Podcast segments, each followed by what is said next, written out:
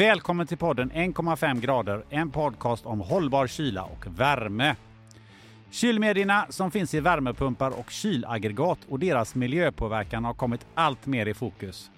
För flera decennier sedan förbjöds freonerna. De ersätts med fluorerande kolväten, så kallade HFCR.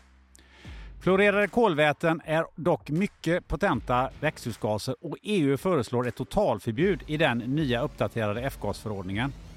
Därför har de flesta gått över till så kallade HFOer vars växthuspåverkan är i paritet med koldioxid.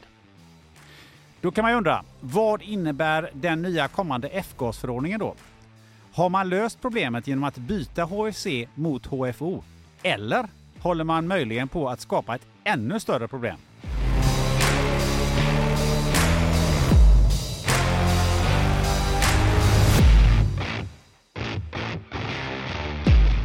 Och vad är lösningen på det i så fall?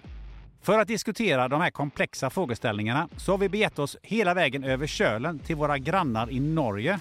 Så vi har med oss Audun Häggelund, fackdirektör på kemikaliesektionen på det norska miljödirektoratet. Eh, ursäkta svorskan här. Du sitter i en studio i eh, eh Oslo. Välkommen hit Audun. Tack för det. Väldigt hyggligt att vara här. Eh, I Stockholm så har vi kallat in Viktor Öhlén, teknisk expert på Svenska kyl och värmepumpföreningen. Och du sitter i en studio i Stockholm tillsammans med poddankaret Andreas Bäckäng som ju är VD på Enrad som utvecklar kylaggregat och värmepumpar där man använder naturliga köldmedier. Välkomna hit båda två! Stort tack! Jag som ska moderera det här samtalet heter Gunnar Österreich och för att göra det extra utmanande så sitter jag i en studio i Göteborg. Andreas, som vanligt så börjar vi med dig. Eh, du, det var ett tag sedan vi satt i en studio tillsammans. Alltså, jag hoppas inte du har liksom blivit eh, ringrostig och tappat stinget? Absolut inte. Jag är eh, mer, mer på än vanligt, får vi säga. Ja. Och jag tycker det här känns ju riktigt bra, för nu har vi fått med vi har ju alltid experter i, det här, eh, i den här showen, höll jag säga, men i den här podden.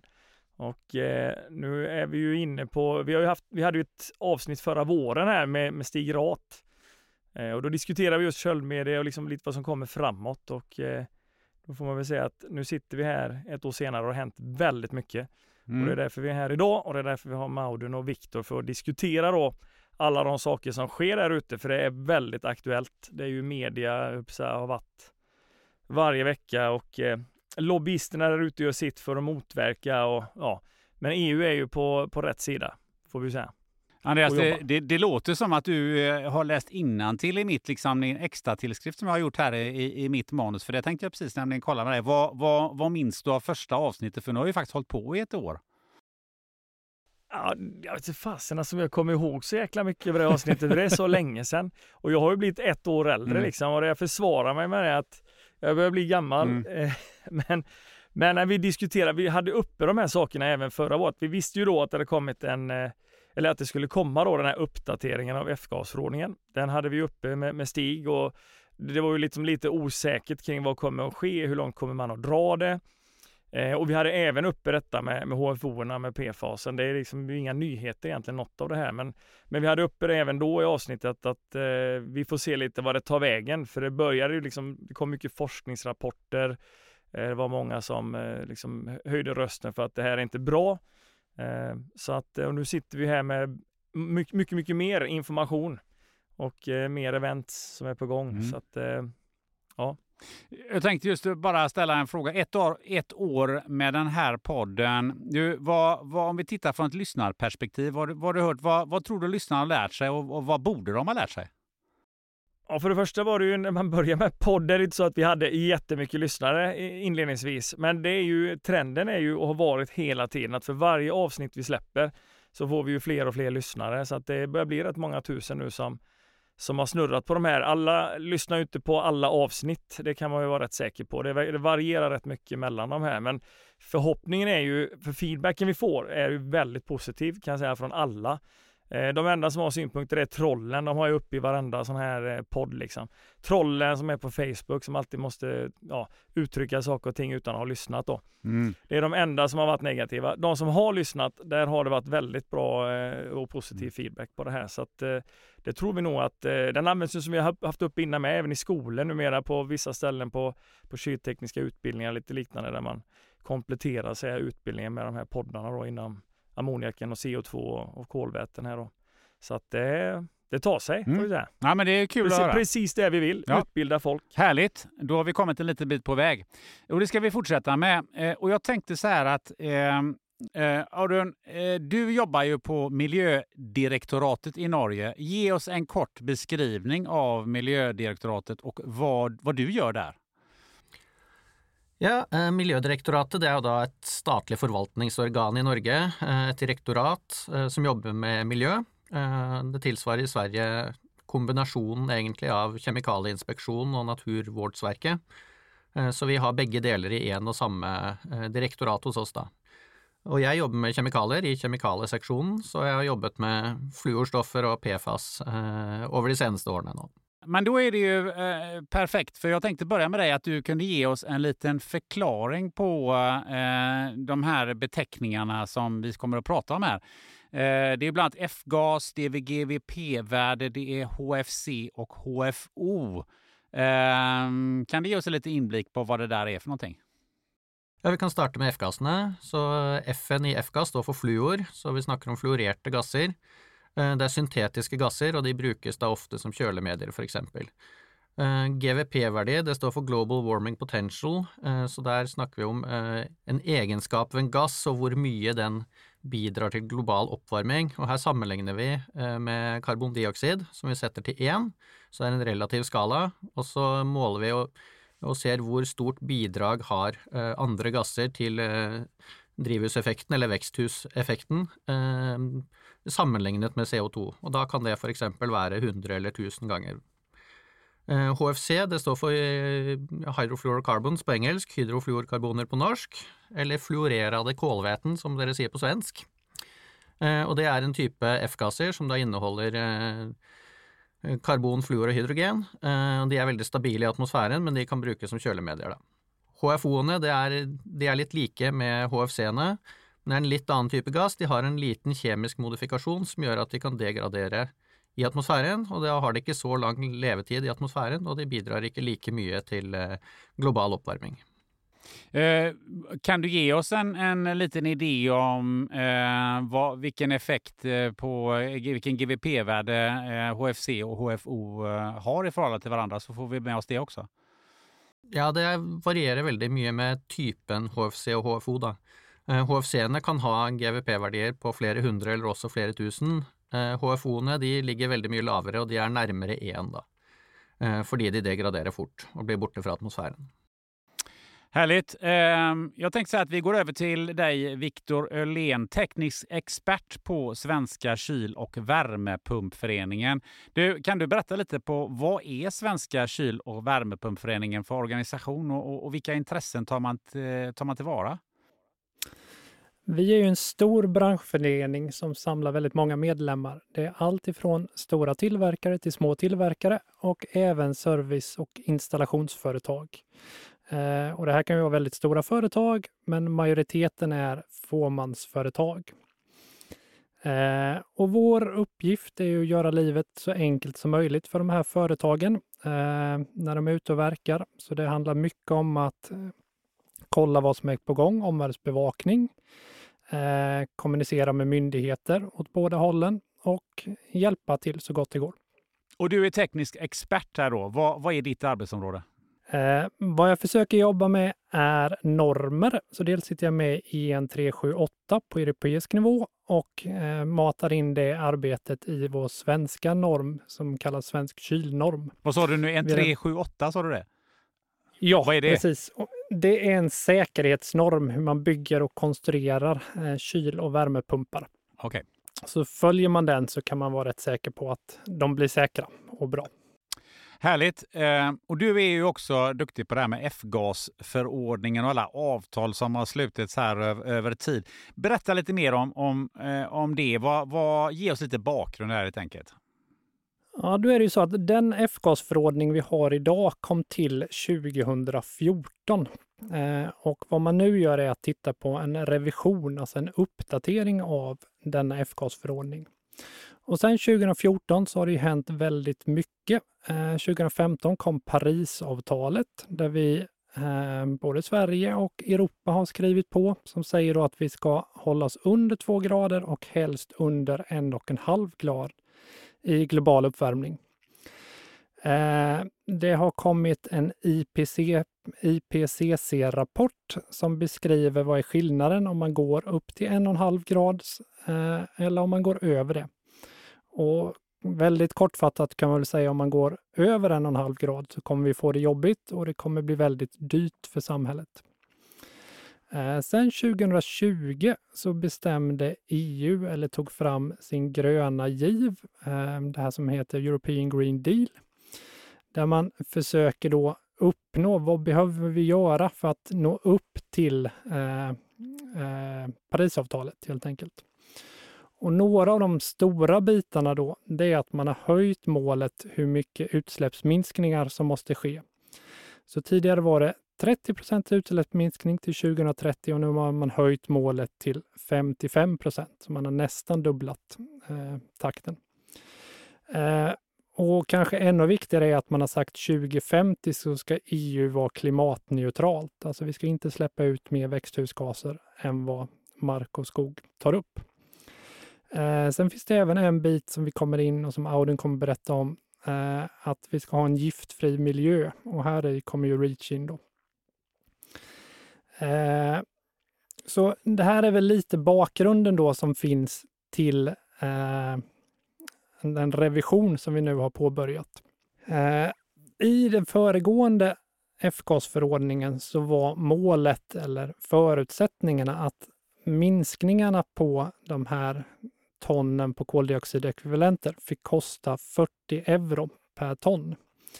Eh, och i den här revisionen utifrån de här nya rönen då, så säger man att varje minskning på ett ton får kosta 400 euro. Så det betyder att det får vara tio gånger dyrare än vad det var förra gången. Eh, man har även gjort en utvärdering av nuvarande F-gasförordning. Vad har det faktiskt kostat, de här läxökningarna vi gör och alla de här papperna vi fyller i? Hur mycket har kostnaden varit per ton? Och de har kommit fram till att det har varit 1 euro per ton koldioxidekvivalent. Så det har varit en väldigt kostnadseffektiv förordning som har gjort väldigt bra nytta.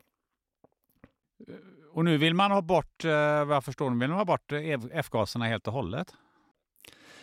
Ja, det är kanske en sanning med modifikation, men man vill ganska snabbt fasa ut dem i alla fall. Och som sagt, fram till 2050 så vill man då att man kommer ner på noll i det här.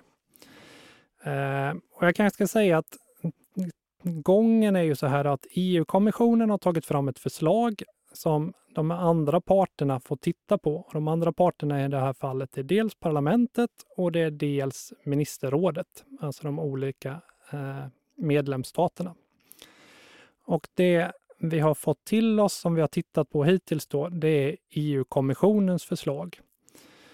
Och det säger så här att om förordningen går igenom så som det är tänkt så kommer redan nästa år så kommer mängden eh, växthuspåverkan som köldmedier får påverka halveras jämfört med i år. Och någonstans vid 2027, 2028 så får man bara släppa ut så mycket som en fjärdedel av i år. Och de som har tittat på det här, som är köldmedietillverkare och så, de säger att den mängden kommer i stort sett gå åt för att fylla på befintliga system, de läckage vi har. Så någonstans här vid 27-28 så kommer vi inte ha någon ny köldmedia att sätta på marknaden för nya produkter. Eh, och sen så kommer ett steg till ner vid 2030 i förslaget och då är det så lite så där kan man väl säga att då kommer det bli väldigt, väldigt svårt att fylla på befintliga utrustningar också. Eh, Andreas, eh, eh det måste vara musik i dina öron? Eh, ja, det är det ju delvis, men som jag har sagt många gånger här så tar det ju, har det tagit för lång tid. Och eh, att förvänta sig att en bransch eh, som är väldigt stark då får vi säga ska fasa ut någonting på eget eh, själv, själv så att säga. Det bygger mycket på att man själv ska hitta alternativ för att fasa ut det. Det tycker jag är, eh, inte är någon bra lösning. Det är ju helt uppenbart att inte den är bra utan man skulle ha satsat på att helt enkelt ha förbudsdatum. Alla hade vetat vad man skulle förhålla sig till. Från och med det datumet så är det förbjudet att använda det och då blir det väldigt tydligt och eh, det har inte varit riktigt här. Och sen är ju inte, det är ju liksom inte riktigt över än det här. Vi, vi har inte, det är inte i mål och det är väldigt starka krafter som, som pushar på också för att man ska eh, ändra på det här och vara betydligt längre sträcka än 2030 liksom för att eh, man ursäktar sig med att inte det går att lösa då med andra applikationer, vilket vi har belyst i den här podden många gånger eh, att liksom 99% täcker vi med naturliga köldmedier. Det jag kan fylla på är att EU-kommissionen har nu lyssnat lite på Andreas, för i förslaget så finns det också skarpa förbud. Bland annat så har man ett förbud på enhetsaggregat. Och där säger man att redan 2025 så ska man förbjuda enhetsaggregat som har ett köldmedium med ett GVP-värde över 150. Så här pekar man på, gör det lite tydligare. Det finns även andra sådana här för split eh, system, alltså typ en luft-luftvärmepump som inte är så stor, upp till 12 kilowatt. Så säger man att den här gränsen ligger vid 2027 och för de lite större systemen så ligger gränsen på 2029. Eh, så det, det finns lite sådana här skarpa förbud som underlätta, för det är ju svårt. Det är väldigt, väldigt svårt ur den här trappan att uttyda vilka produkter kan vi använda och vilka kan vi inte använda? Hur mycket kommer priset öka på köldmedier och så vidare.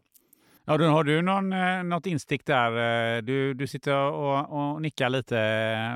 Du har ju också koll lite på, på EU och vad de tänker och, och lobbyismen och sådär.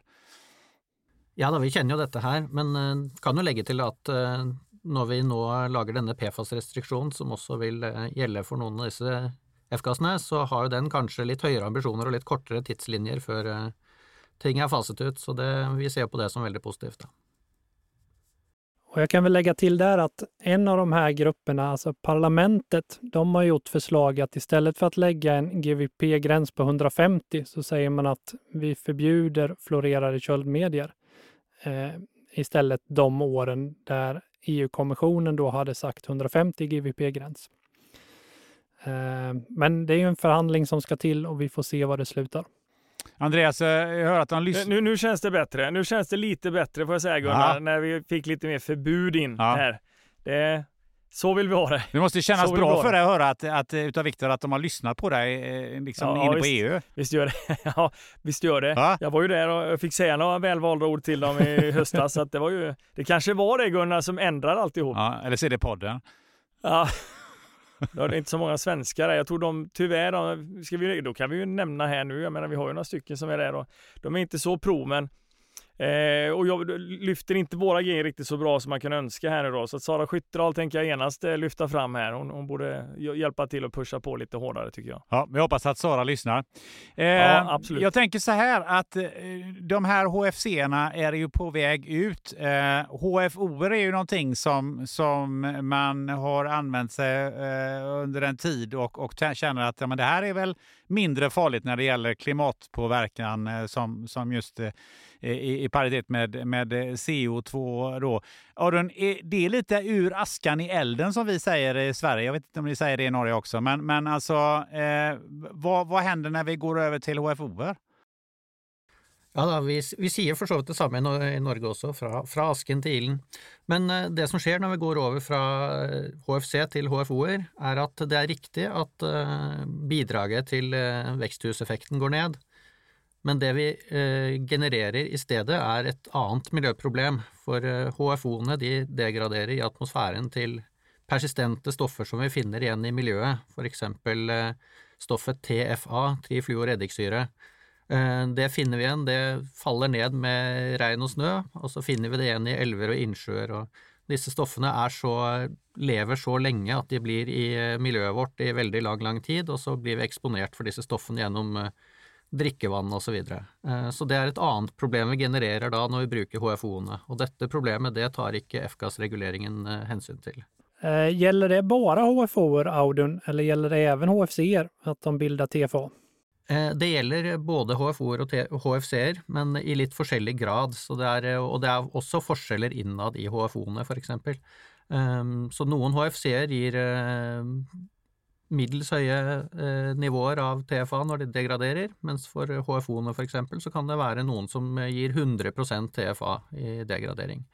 Eh, og I tillegg så går degraderingen fort, og det vil si at du får eh, mye nedfall av TFA i nærheten av der hvor kilden er, og det er litt annerledes enn med HFC-ene, fordi de sprer seg så mye ut i atmosfæren først før de degraderer, så det blir en litt annen effekt. Du har ju redan varit inne och förklarat lite kring, kring eh, PFAS och vad det är. Men jag har förstått så är det liksom inte ett ämne utan det, det är väldigt många olika ämnen och olika bindningar. och så här. Kan du förklara det lite kort? Ja, da, PFAS det är eh, ett mycket vidare begrepp än bara F-gasser. Eh, vi har väl kanske låt oss säga 50 F-gasser eller något sånt som är vanliga i bruk, men det finns 10 000 olika PFAS. Och PFAS är större molekyler, längre stoffer och så vidare. Og de brukes i veldig mange andre ting også, så de brukes i eh, allværsklær, de kan brukes i kosmetikk, i papirimpregnering, i stekepanner eh, osv. Så, videre. så det er et mye videre område. Så for oss så er eh, F-gasser og kjølemedier er bare én av mange anvendelser som vi, vi har vurdert, og hvor vi foreslår en regulering nå, da. Men vad, vad, händer när de hamnar i, i naturen? Kan de brytas ner eller vad, hur, hur hanterar naturen det? Ja, riktig. Eh, nei, det er det som er eh, det store poenget her, er at eh, den karbon-fluorbindingen er så veldig stabil, så stoffene brytes ikke ned i miljøet. De har en veldig lang levetid, de varer i mange tiår eller hundre år eller kanskje opptil tusen år i miljøet. Så det gjør at vi eksponeres mot disse stoffene over flere generasjoner. Og det er også dette som gjør at de kalles forever chemicals i media nå, da. Mm. Du, eh, hur påverkas vi människor av Forever eh, Chemicals då? Det som är problemet, huvudproblemet med dessa stoffene, är att de samlas i miljön och alla kilder till dessa stoffene i miljön de bidrar samman. Och fra miljön så kan dessa eh, komma över i både mat och dryck, enten de kan bioackumuleras i näringskedjan eller de kan gå över i vannfasen, och de kan bli tagna upp i planter vidare från vatten. Så vi exponeras för dessa stoffene, och så kan eh, som Eh, Eh, gjelder for disse stoffene, kan da eh, gjøre seg gjeldende i kroppen på mennesker. Eh, det er forskjellige typer helseeffekter som har blitt eh, rapportert for eh, PFAS. Det kommer, er forskjellig ut fra hvilke strukturer de har. Det finnes jo 10 000 forskjellige, og alle 10 000 er ikke like. Og noen er studert mer enn andre stoffer. Men det som er mest ofte at vi finner, er fire forskjellige ting. Det ene er at eh, PFAS kan forstyrre eh, immunforsvaret vårt, eh, svekke immunforsvaret, som gjør at vi får en høyere infeksjonsrisiko. De kan også gi leverskader og påvirke metabolisme. Utviklingsforstyrrelser som kan føre til f.eks. lavere fostervekt, er en tredje effekt som vi kan se. Og så er det flere av PFAS-ene som er mulig cancerfremmende. Da. Hur, hur, långt har man kommit i forskningen kring det? Är det någon av er som, som vet det? Alltså, hur mycket har man faktiskt eh, verifierat att, eh, att eh, de här effekterna finns i, i, i människor? Man vet att det finns, eh, eh for noen stoffer. Eh, man vet väldigt mycket om eh, ett fåtal PFAS, och så vet man väldigt lite om de mer sällsynta PFAS som är mindre studerat. Men det är ju all grund till bekymring, för for noen tiår siden så trodde vi at disse stoffene ikke var så veldig farlige, men nå har vi jo funnet masse forskning som styrker bekymringen rundt dem og viser at de har masse effekter. Mens de stoffene som vi eh, vet mindre om i dag, som vi kanskje ikke er så bekymret for, de kan ha akkurat samme egenskaper, bare at vi ikke vet det enda. Vilka, du, du nämnde lite olika produkter där. Eh, värme och kylanläggningar, textil, eh, skidvalla tror jag också har fått till mig att, eh, att det eh, finns PFAS i. Ja, det stemmer det. Skidvalla, eh, skismøring som vi kaller det på norsk. Eh, det har vi utredet, og der vil vi også foreslå et forbud. Eh, selvfølgelig, vil jeg nær sagt, for det er jo ikke så veldig nødvendig. Men det som er spesielt med skidvalla, er at totalt sett i Europa så er volumene vi bruker på skidvalla små, men eksponeringen i det øyeblikket du bruker det, og du appliserer de på skiene, da har du en veldig høy eksponering. Noen typer skidhvale er 100% ren PFAS, og når du da varmer det opp for å smelte det inn i skien, eller skraper og børster og pusser etterpå, så får du en veldig høy eksponering hvis du ikke bruker beskyttelsesutstyr. Mm. Så der, vi vet at det finnes, at det er helseeffekter knyttet til dette, og det er observert. Nu sa du lite relationer här, alltså vi använder inte så mycket skidvallar naturligtvis som så, lika mycket som vi använder till exempel textil eller värme och kylanläggningar. Men vilka, vilka produktområden står för de största utsläppen då? Om du kikker rent på, på volumbasis, så är, utgör eh, utgjør kjølemediene eh, F-gassene över halvparten av eh, PFAS-en totalt. Så det är den klart största gruppen. Efter det så følger tekstilene med en, også en stor andel, som Eh, kommer da på andreplass, og så er de andre anvendelsene sammenlignet med de er ganske små. Eh, Andreas, vad, vad, vad, tänker du det? HFC, HFC till HFO, hur, hur liksom, det, det känns ju inget vidare. Nej, vi, vi, vi har stridit lika mycket med båda. Det var jävligt kul här Auden att höra att det var eh, jag skulle frågat dig hur siffran var, för oftast är det media så, ja, och jag förstår att man i media oftast lyfter liksom smink och kläder och ja, det är vi daglig bruk om man säger så, för att det gör ju att vi får opinion på ett annat sätt. Liksom, hade vi bara sagt att köldmedierna ja, det är 50% av utsläppen, det är ju knappt folk vet vad köldmedia är. Så att, eh, det är väl ganska givet att man, eh, man får ta med och fokusera på de här grupperna. Eh, men vi har ju vidhållit samma sak hela tiden. Alltså det är ju ändå fjärde, fjärde generationen köldmedier kallar man ju HFO. Har man inte lyckats de här andra tre gångerna så är det ju knappast att man kommer göra det fjärde gången. Men på något sätt så lyckas ju den här branschen eh, gång på gång. Men nu hoppas vi då att eh, även om den här fjärde generationen har fått börja sättas på marknaden så hoppas vi, jag i alla fall, att det här verkligen får stopp eh, illa, illa kvickt nu då och att eh, inte EU slösar för mycket med tiden här utan att man traskar på snabbt och, och ser till att klappa igenom ett beslut som stänger dörren här. En fundering jag har som, som ju nu har fått sätta mig in i det här. Jag hade ju ingen, ingen eh, koll på det här eh, ska jag säga eh, innan, vi, innan det här avsnittet. Hur, hur mycket känner man ska säga, allmänhet eller människor i allmänhet till om de här problemen? För det här är ju, det här är ju ganska allvarligt tycker jag det som det låter. Vad, vad, vad har ni för tankar kring det? Jag tänker att um, folk flest, da, som vi kaller det i Norge, de vet stadig mer om, om PFAS-problematikken. Eh, kanskje ikke så mye om eh, kjølemedier eh, enda det er riktig, men om PFAS så begynner det å, begynner det å våkne. Eh, og PFAS får ganske mye oppmerksomhet i mediene nå om dagen, og har fått det det siste året eller to. Eh, men det er ikke nødvendigvis de store bekymringene som plukkes opp, men det er de som, som publikum kan relatere seg til. Så senest i dag så er det en nyhet som går litt halvviralt om eh, PFAS i toapapir, f.eks. Eh, så det er den type ting, å bruk i, i eh, kosmetikk og i tekstiler, det kommer ofte frem. Og når vi finner det i, i drikkevarer, f.eks. Det var en nyhet nå nettopp om funn i tropisk juice. og litt sånn lignende, den type problemstillinger. Det vet man stadig mer om nå. Mm. Hur är det i Sverige? Har ni koll på det, Viktor och Andreas? Nej, det tror jag inte. Det är jag rätt säker på att vi inte har koll på. Nej, det, jag, jag har en ja. fråga till Audun. Vad heter mm. det? Det tyska naturvårdsverket, Umweltbundesamt, de har gjort en studie och tittat på regnvatten på en massa mm. ställen. Mm. Ja. Och där fann man ju att medelvärdet var ungefär en halv mikrogram per liter PFAS eller TFA i det här vattnet. Och om man tittar på EUs nya dricksvattendirektiv, då ligger ju gränsen här på 0,1 mikrogram per liter. Eh, eller en halv mikrogram per liter, alltså där det redan är idag i regnvattnet. Mm.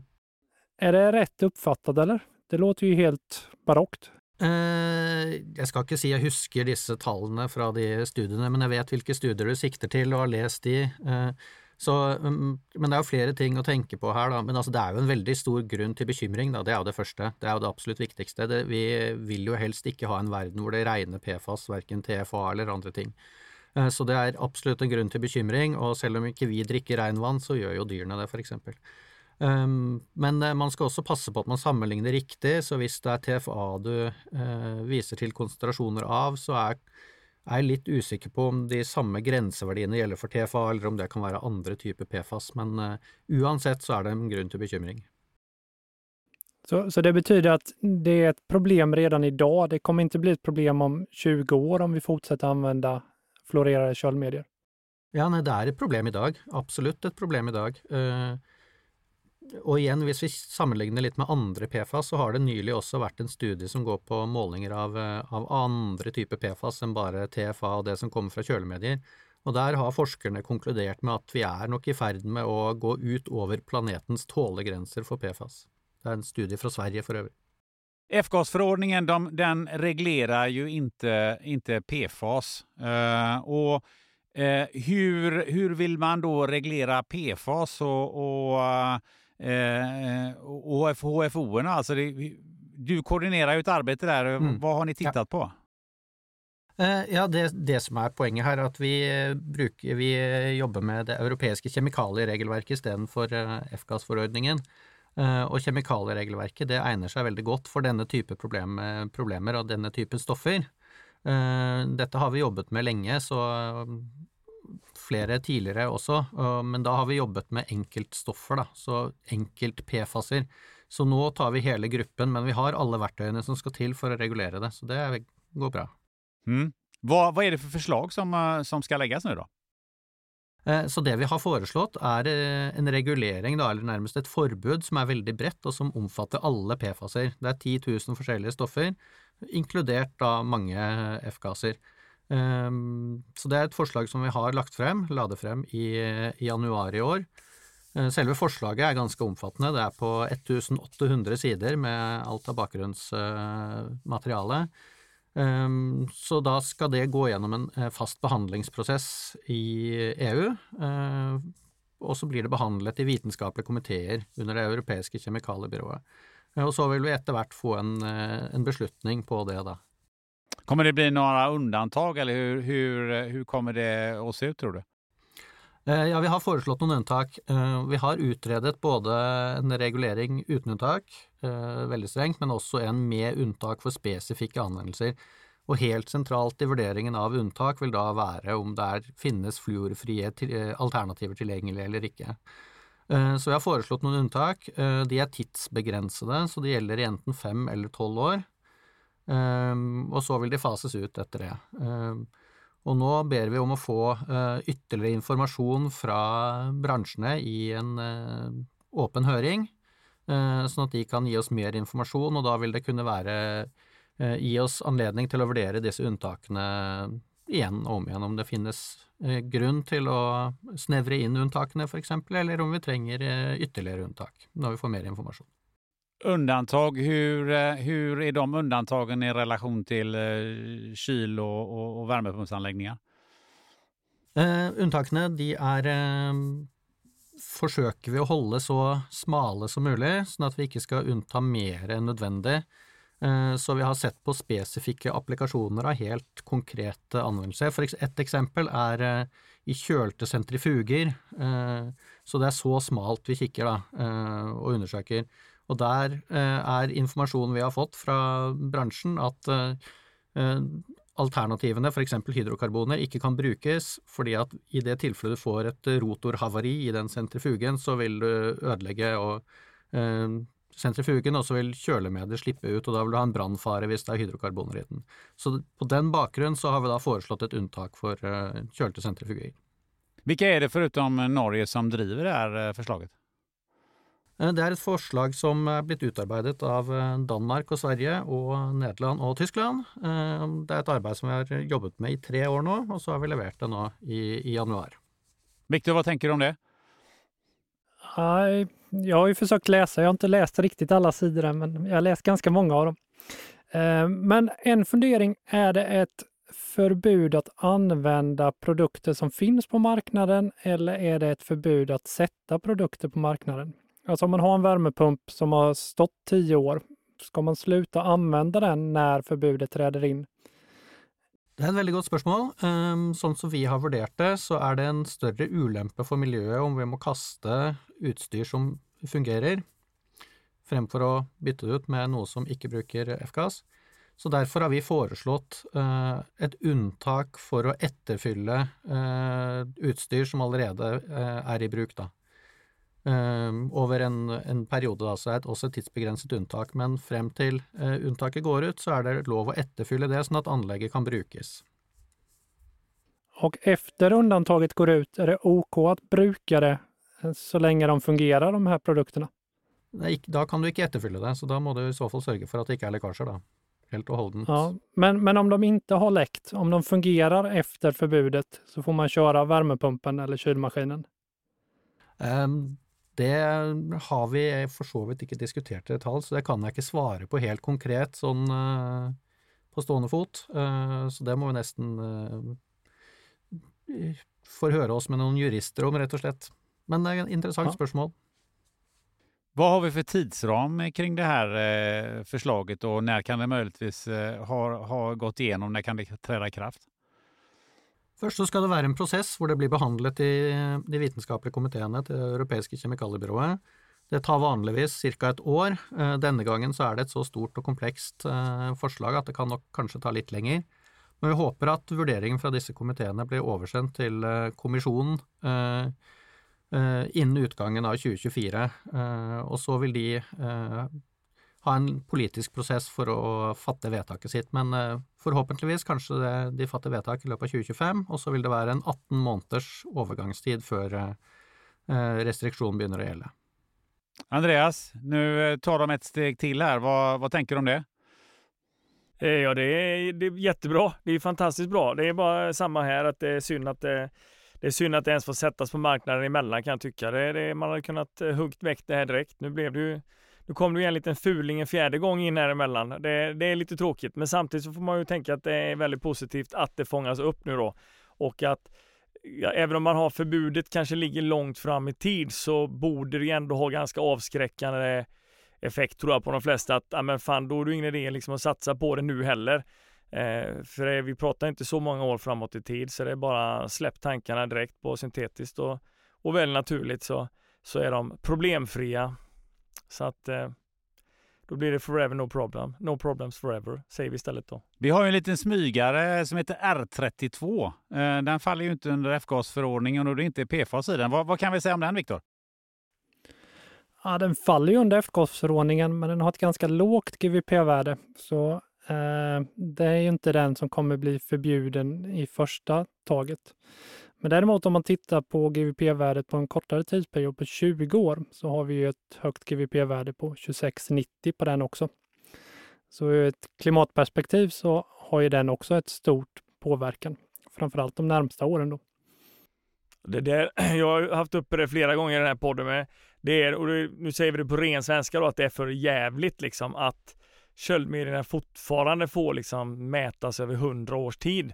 Alltså alla andra forum som pratar eh, hållbarhet och klimat så pratar vi 2030 eller 2050.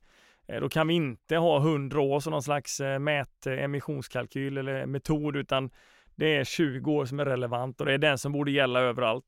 Så att ja, det... Jag kan ju kasta in ett vedträd i brasan. Eh, fjärrvärmen mäter väl på ännu längre tid för ja, att få ihop sin... Det gör de, men där har vi förnybarhetsdirektiv nu så de ska också få smisk i arslet. Så att eh, det, eh, det kommer grejer som biter på dem också här. Så att jag, jag tror vi ska avhandla det i ett annat avsnitt sen också. Så vi, vi ska bråka lite med fjärrvärmen med det, för det, det är inget, inget bra alternativ. Men även här, EU är ju extremt aktiva på alla fronter just nu så att jag har svårt att se att det är någon som kommer att komma undan. Eh, eh, både vad taxonomin, energieffektivisering, energiprestanda, höja klass, klassificeringarna på fastigheterna, F-gasförordningen, vi har det här med HFO, förbjuda PFAS, alltså det är bara eh, hur mycket grejer som helst. Taxonomin. Men visst är det så, Audun, att R32 och R152 och två till inte faller inom PFAS? Ja, det stemmer det. Eh, og det skyldes jo at de, de, kan ikke degradere til de Eller omdannes til de veldig persistente PFAS-ene, så de hører rett og slett ikke hjemme i PFAS-restriksjon, eh, da. Ehm, det betyr ikke dermed at de ikke er skadelige for et eh, og annet, men, eh, men som PFAS hører ikke hjemme, da. Jag lärde mig faktiskt i en annan podd, jag måste sticka in det, att eh, jag tror det var 25 procent av all fjärrvärme är alltså eh, sopor som vi eh, bränner upp. Eh, väldigt mycket plast. Eh, så apropå det här med fjärrvärme. Ehm, jag tänkte så här att eh, vi, vi behöver ju glida in här nu då. Hur påverkar de här regleringarna eh, eh, branschen? Alltså kommer det, kommer det finnas någon tillgång på, på HFC till exempel? Eller kommer det, vad, vad händer med priserna och så vidare? Kan, kan du ge oss en liten bild där, eh, Viktor? Vad, vad, hur, hur påverkar det de närmaste fyra, fem åren här? Ja, när tillgången minskar så ökar ju priset. Det är ju vanlig marknadsmekanism. Och vad vi har sett historiskt då är ju att det har varit otrolig volatilitet på priserna på köldmedierna. Så det kan man väl förvänta sig även framåt och då är det ju de med ett högt GWP-värde eller ett högre klimatpåverkan som kommer påverkas mest i första hand. Eh, och sen så finns det ju någonting som heter regenererat eller återvunnet köldmedium, alltså när man tar från en maskin som redan varit.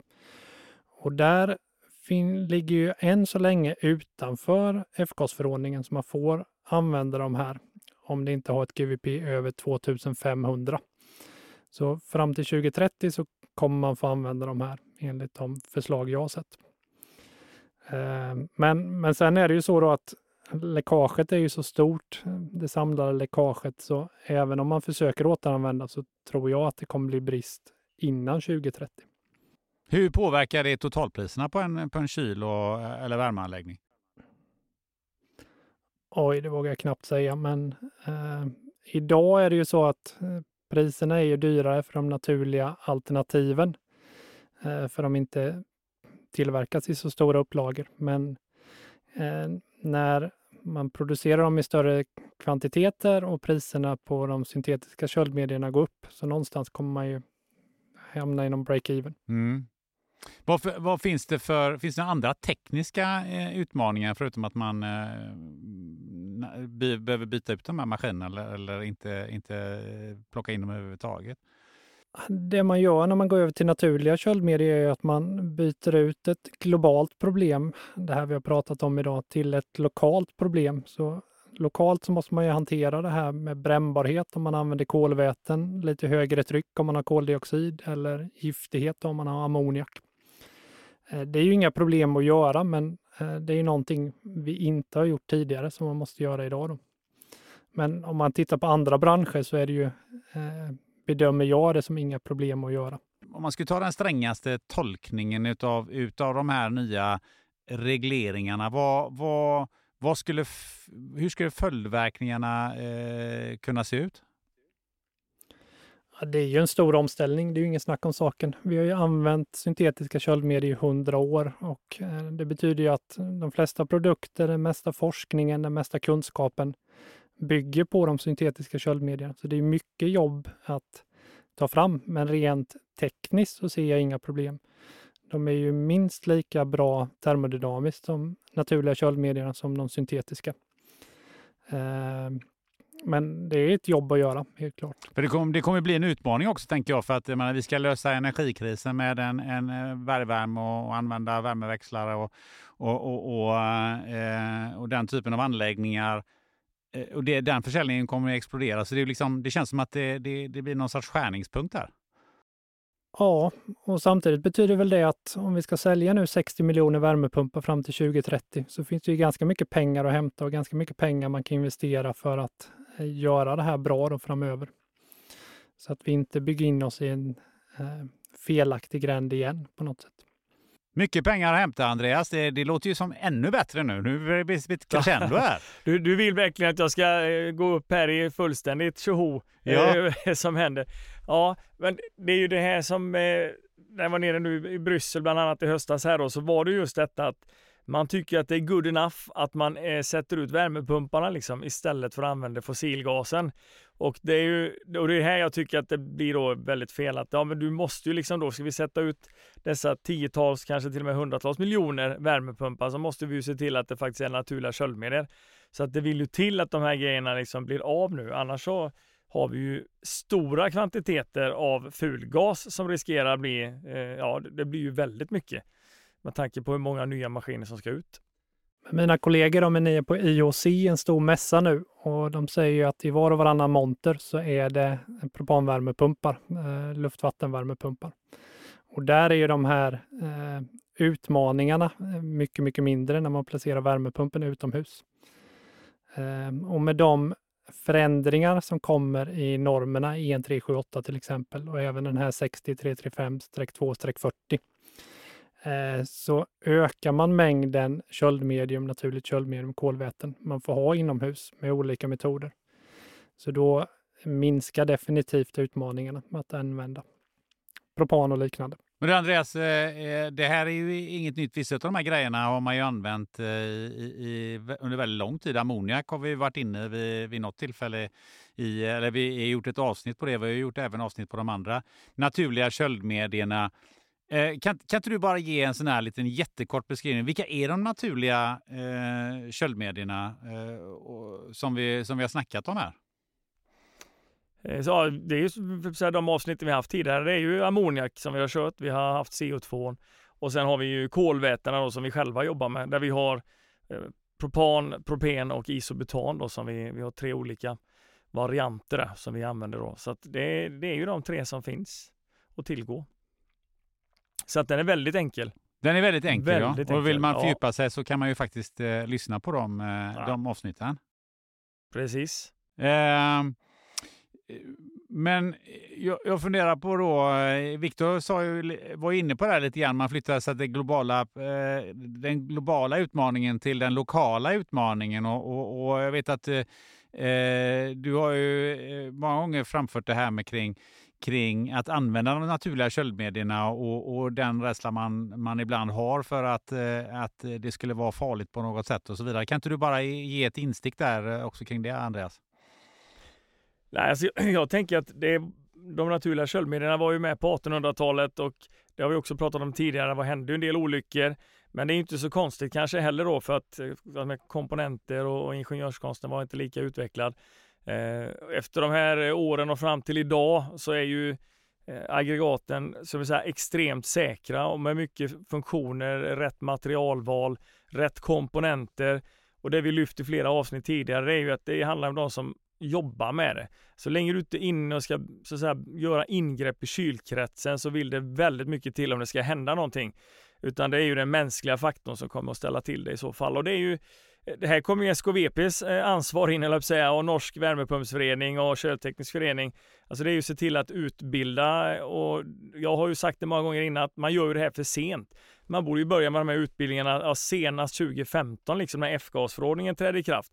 Då skulle man gjort det ganska intensiva arbete med att liksom utbilda branschen och sätta igång det här. Nu har du hunnit gå åtta år här och det är fortfarande liksom kyltekniska utbildningar runt om i Sverige. De pratar ju knappt om, om naturliga köldmedel. Liksom. Det är därför de använder podden istället. Så det är, det är helt, helt galet enligt mig. Då. Men det, så jag smiskar lite på SKVP här, även om de är gäster idag, att de de borde varit lite hårdare med skolan där. Så vi ser om Viktor kontra med mm. någonting. Han ser ja, lite så ut nu. Oj, oj, oj! ja, men jag kan ju kontra med något lagmässigt igen. Eh, nu är det ju så positivt att parlamentet har föreslagit att i utbildningspaketet eller certifieringspaketet så ska man kunna hantera de naturliga köldmedierna. Så om det går igenom så kommer det bli lagkrav på att eh, även kunna hantera de naturliga köldmedierna när man tar ett certifikat för F-gaser. Men det är ju nu. Det är nu det. Ja, mm. ni fick smisk för det som var innan tänker jag. Så att, eh, ja. ja. Vi har ju lite andra eh, aktörer här. Jag menar, vi har konsulterna, vi har ju faktiskt de som köper. Eh, många gånger är det fastighetsägarna. Vad, hur, hur, hur, kan vi, eh, hur kan vi hjälpa dem att, eh, att gå över till naturliga köttmedel? Eh, mycket handlar väl om utbildning och få dem att förstå liksom vad det innebär, de här syntetiska köldmedierna, vilka positiva och negativa egenskaper har de. Ehm, och vi märker väl det att de som är professionella upphandlare, de har ju redan tagit det här steget. I livsmedelskyla till exempel så är det ju nästan enbart idag eh, koldioxid eller propan i plug-in-diskarna. Eh, så det är nog bara en tidsfråga innan det kommer. Vad säger du Andreas? Hur kan vi underlätta övergången? Ja, det är ju en ganska massiv insats då, som ändå krävs, för det är fortfarande en relativt liten andel människor som, som jobbar med det. Men jag tänker det man ser där ute är ju väldigt positivt, i varje fall för många installatörsbolag har eh, anammat väldigt många av de här naturliga körmedlen, driver egna så, så här, små akademier, precis som vi som tillverkare gör det. Vi är ju rätt många tillverkare både med CO2 och propan som också kör utbildningar och försöker hjälpa till med allt ifrån hur man ska tänka på riskanalyserna, hur ska man jobba när man är på plats och vad är det man ska tänka på. Eh, och det är ju inte speciellt komplicerat egentligen. Du ska, man brukar säga tänk en gång extra då när man jobbar med naturliga köldmedel och det är ju givetvis så att man ska göra det. Men det här med att göra riskanalyser och förbereda sitt arbete, det ska man ju alltid göra. Så det är ju egentligen ingen, det är inga extra grejer på det viset. Så att, eh, ja. Men det krävs att många hjälps åt eh, på många ställen, för det, det är väldigt mycket människor som, som måste in i loopen.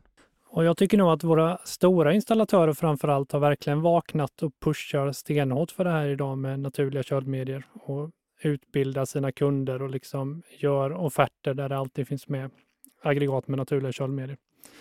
Eh, så ser det ju definitivt inte ut eh, i södra Europa kan jag säga. Så hela Norden har ju kommit väldigt långt. Jag tror Norge är till och med ett par steg före oss. Mm.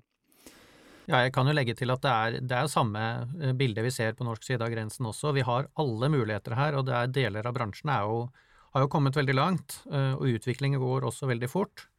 Eh, och det är väldigt bra, men om vi då kan eh, hjälpa till att speeda upp övergången lite med lite regleringar så tänker jag det en, kan vara en god idé. Många av de här värmepumparna hamnar ju i slutändan eh, hos, eh, hos konsumenten. Finns det, finns det någonting som, som konsumenten kan ställa krav eller, eller kan tänka på så det kan komma någonting från det hållet? Eh, det är ju svårare. Konsumenterna är ju mindre utbildade, har liksom mindre kunskapsnivå. Och det ser vi väl också. Det finns mindre produkter på marknaden i konsumentledet som har propan eller någon annan naturligt köldmedium idag. Vad tror du Andreas, hur kommer det bli med den eh, när det gäller de här små anläggningarna?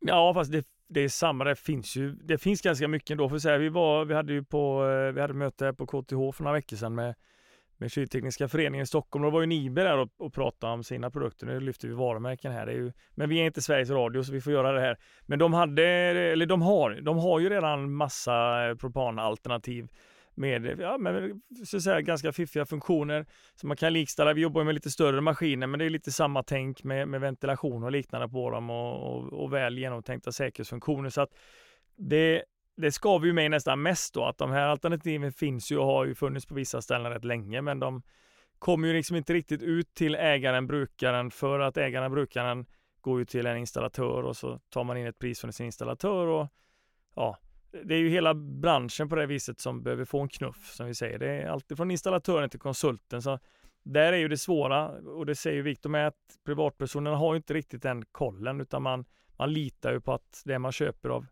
sin firma är att det är det som är bäst. Så ser ju även konsulterna liksom att ja, vi litar ju på att tillverkarna av aggregaten tillverkar sånt som är bra liksom. Så att eh, Eh, det här går ju igen eh, överallt och i sista änden så är det ju tillverkarna som på något sätt har ansvaret och de är ju ganska måttligt intresserade på vissa håll av att göra någonting och då måste det till regleringar från, laglig, från lag, lagar helt enkelt. Annars så kommer inte den förändringen. Så att vi, och där är vi ju nu. Eh, I alla fall väldigt nära då, får vi hoppas. Det kommer ju väldigt mycket nu. Det kommer mycket nya lagar. Eh, det, det pågår en diskussion. Allt fler blir medvetna och då, då kan vi börja titta lite framåt tycker jag eh, vad, vad, tror ni om 5-10 år? Vilka, vilka huvudförändringar eh, har, eh, har skett här? Vad, vad, vad, ser ni framför er? Vad, vad tror du Adon? Om 5-10 år. Mm. Når det gjelder PFAS, så tenker jeg at alle forbrukerprodukter eh, som inneholder PFAS, der er det byttet ut, og vi har andre løsninger. Eh, når det gjelder industrielle, mer profesjonelle anvendelser og sånt, så har vi nok ikke fått eh, byttet ut og fjernet all PFAS. Eh, jeg regner med at vi har tatt et stort volum, at Eh, vi har en del low hanging fruit som vi kan adressere først, eh, men de siste prosentene av PFAS-bruken det vil nok fremdeles eh, sikkert være i bruk i form av unntak.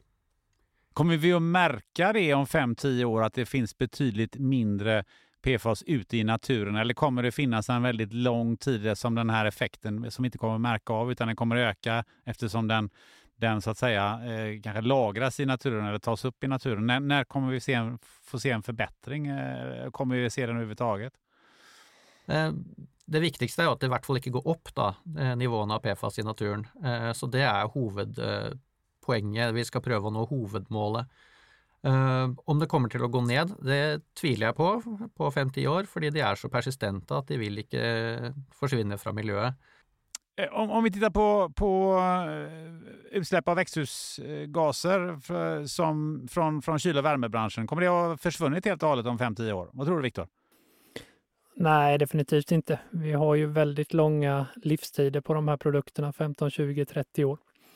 Eh, så det kommer nog finnas kvar produkter under en väldigt lång tid framöver. Men nyförsäljning av dem kommer ju ha försvunnit om 5-10 år. Det är jag helt säker på. Men, men vi kommer fortfarande ha produkter som står tuffare och går. Sen, sen ska man väl flika in att de här produkterna som tuffar och går, de är ju täta och då är det ju inte något problem egentligen. Problemet uppstår ju först när man när köldmediet läcker ut och det, det kan ju vara vid ett haveri eller när man skrotar om man inte gör det ordentligt. Så eh, nej, det kommer finnas en stor stock med F-gaser som är potentiella växthusgaser. Vad tror du annars har hänt i, i branschen? Eh, eh jag ser ju fram emot att vi kan släppa det här och att vi kan börja fokusera på roliga grejer. Hur bygger vi energieffektiva system? Hur kan vi liksom ta nästa steg och lösa allt det här? Nu går ju väldigt mycket tid och energi åt den här frågan. Eh, så det, det, vore, det ser jag fram emot och det blir roligt att, att göra någonting annat. Det blir roligt, Andreas. Ja, det hade ju varit det bästa. Då hade inte vi behövt sitta här idag, varken Audun eller Viktor, om vi hade haft naturliga köldmedier. Då hade ju, ja, det finns ju andra applikationer förvisso, PFASen då, men, men eh, en ganska stor del av problemen hade varit lösta nu. Det är precis som Viktor säger, man får ju lägga ner ganska mycket tid på att försöka möta och mota och argumentera liksom eh, mot de här då som man själv tycker gör eh, helt fel. Och den tiden hade de pengarna, eh, det är klart att de hade man gärna lagt på någonting annat och speciellt som litet bolag och som det är oftast de som håller på med, som är lite rebeller som vi är. Det är ju små företag som, som oftast hoppar på lite nischat så här Eh, i, i det inledande skedet då. Va? Det är ju ganska tufft då för du får lägga lite för mycket tid på hela tiden mota och motargumentera och, och bemöta liksom eh, påståenden som helt enkelt är felaktiga. Och jag jobbar ju med ganska mycket forskning eh, i vårt innovationskluster kallat varmt och kallt. Och där kan man ju också se att väldigt mycket av forskningsmedel och forskningstid går ju på olika sätt åt de här köldmedierna. Eh, och det är ju tid och pengar som skulle kunna gått till någonting annat. Så ja, det blir bra när vi är igenom det helt enkelt. Det blir bra när vi är igenom det. Eh, jag tänkte att vi ska ta ett, ett varv runt och ni kan själva göra lite sammanfattning vad, vad ni tycker att man som lyssnare ska ta med sig från det här eh, avsnittet som, som ni känner är det, det viktigaste som har, har sagts. Vi kan väl börja med dig eh, Audun i, i, Oslo där. Mm. Ja, takk for det. Ehm, jeg tenker at det viktigste her er at eh, fluorfrie alternativer Det finnes jo for så veldig mange av disse anvendelsene, så det er jo det som er fremtiden. Det er jo det man må bruke.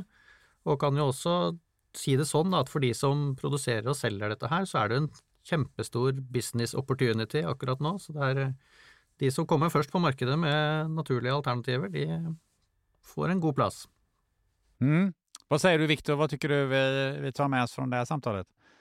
Nej, men jag har full respekt för att det inom alla applikationer i alla eh, sätt inte finns alternativ. Men där det finns naturliga köldmedium och alternativ som fungerar bra och är bra, då tycker jag definitivt man ska välja dem. Definitivt välja dem. Andreas, du får ju som alltid slutordet i, i avsnittet. Vad säger du? Vad, vad är, vad, du har du några kraftfulla sista meningar här? Nej, så kraftfulla vill jag inte påstå, för jag tycker vi, vi, vi upprepar dem ganska mycket, men eh, att folk lyssnar på den här podden eh, är ju liksom bara där har vi en viktig grej, för att det är ju fortfarande så att det är informationen och kunskapen eh, är ju det som driver förändringen på något sätt. Så att, eh, och det kan man också komplettera med att ja, är man rätt ute här så finns det ju fantastiska möjligheter också affärsmässigt och det är det här jag har, blir ju lite politisk varje gång. Eh, men att eh, hela, inte bara Sverige, liksom hela EU måste ju fatta grejen att vi, och det gör man ju tycker jag från centralt håll då, men att vi ska ju se till att dra nytta av det här och det finns så otroligt mycket kunskap i Europa, framförallt här uppe i Norden kring just de här eh, områdena kyla och värme, så att tillverkning av maskiner. Så att vi ska ju dra nytta av det nu och så se till att det blir rejält med business, för då blir det rejält med jobb. Eh, och det kan ju inte finnas någonting annat som skulle kännas bättre i kropp och själ liksom än att eh, jobba med någonting som är bra. Eh, och det har vi också haft uppe många gånger innan. Jag går ju upp varje dag och har aldrig måndag till söndag för alla dagar är lika bra.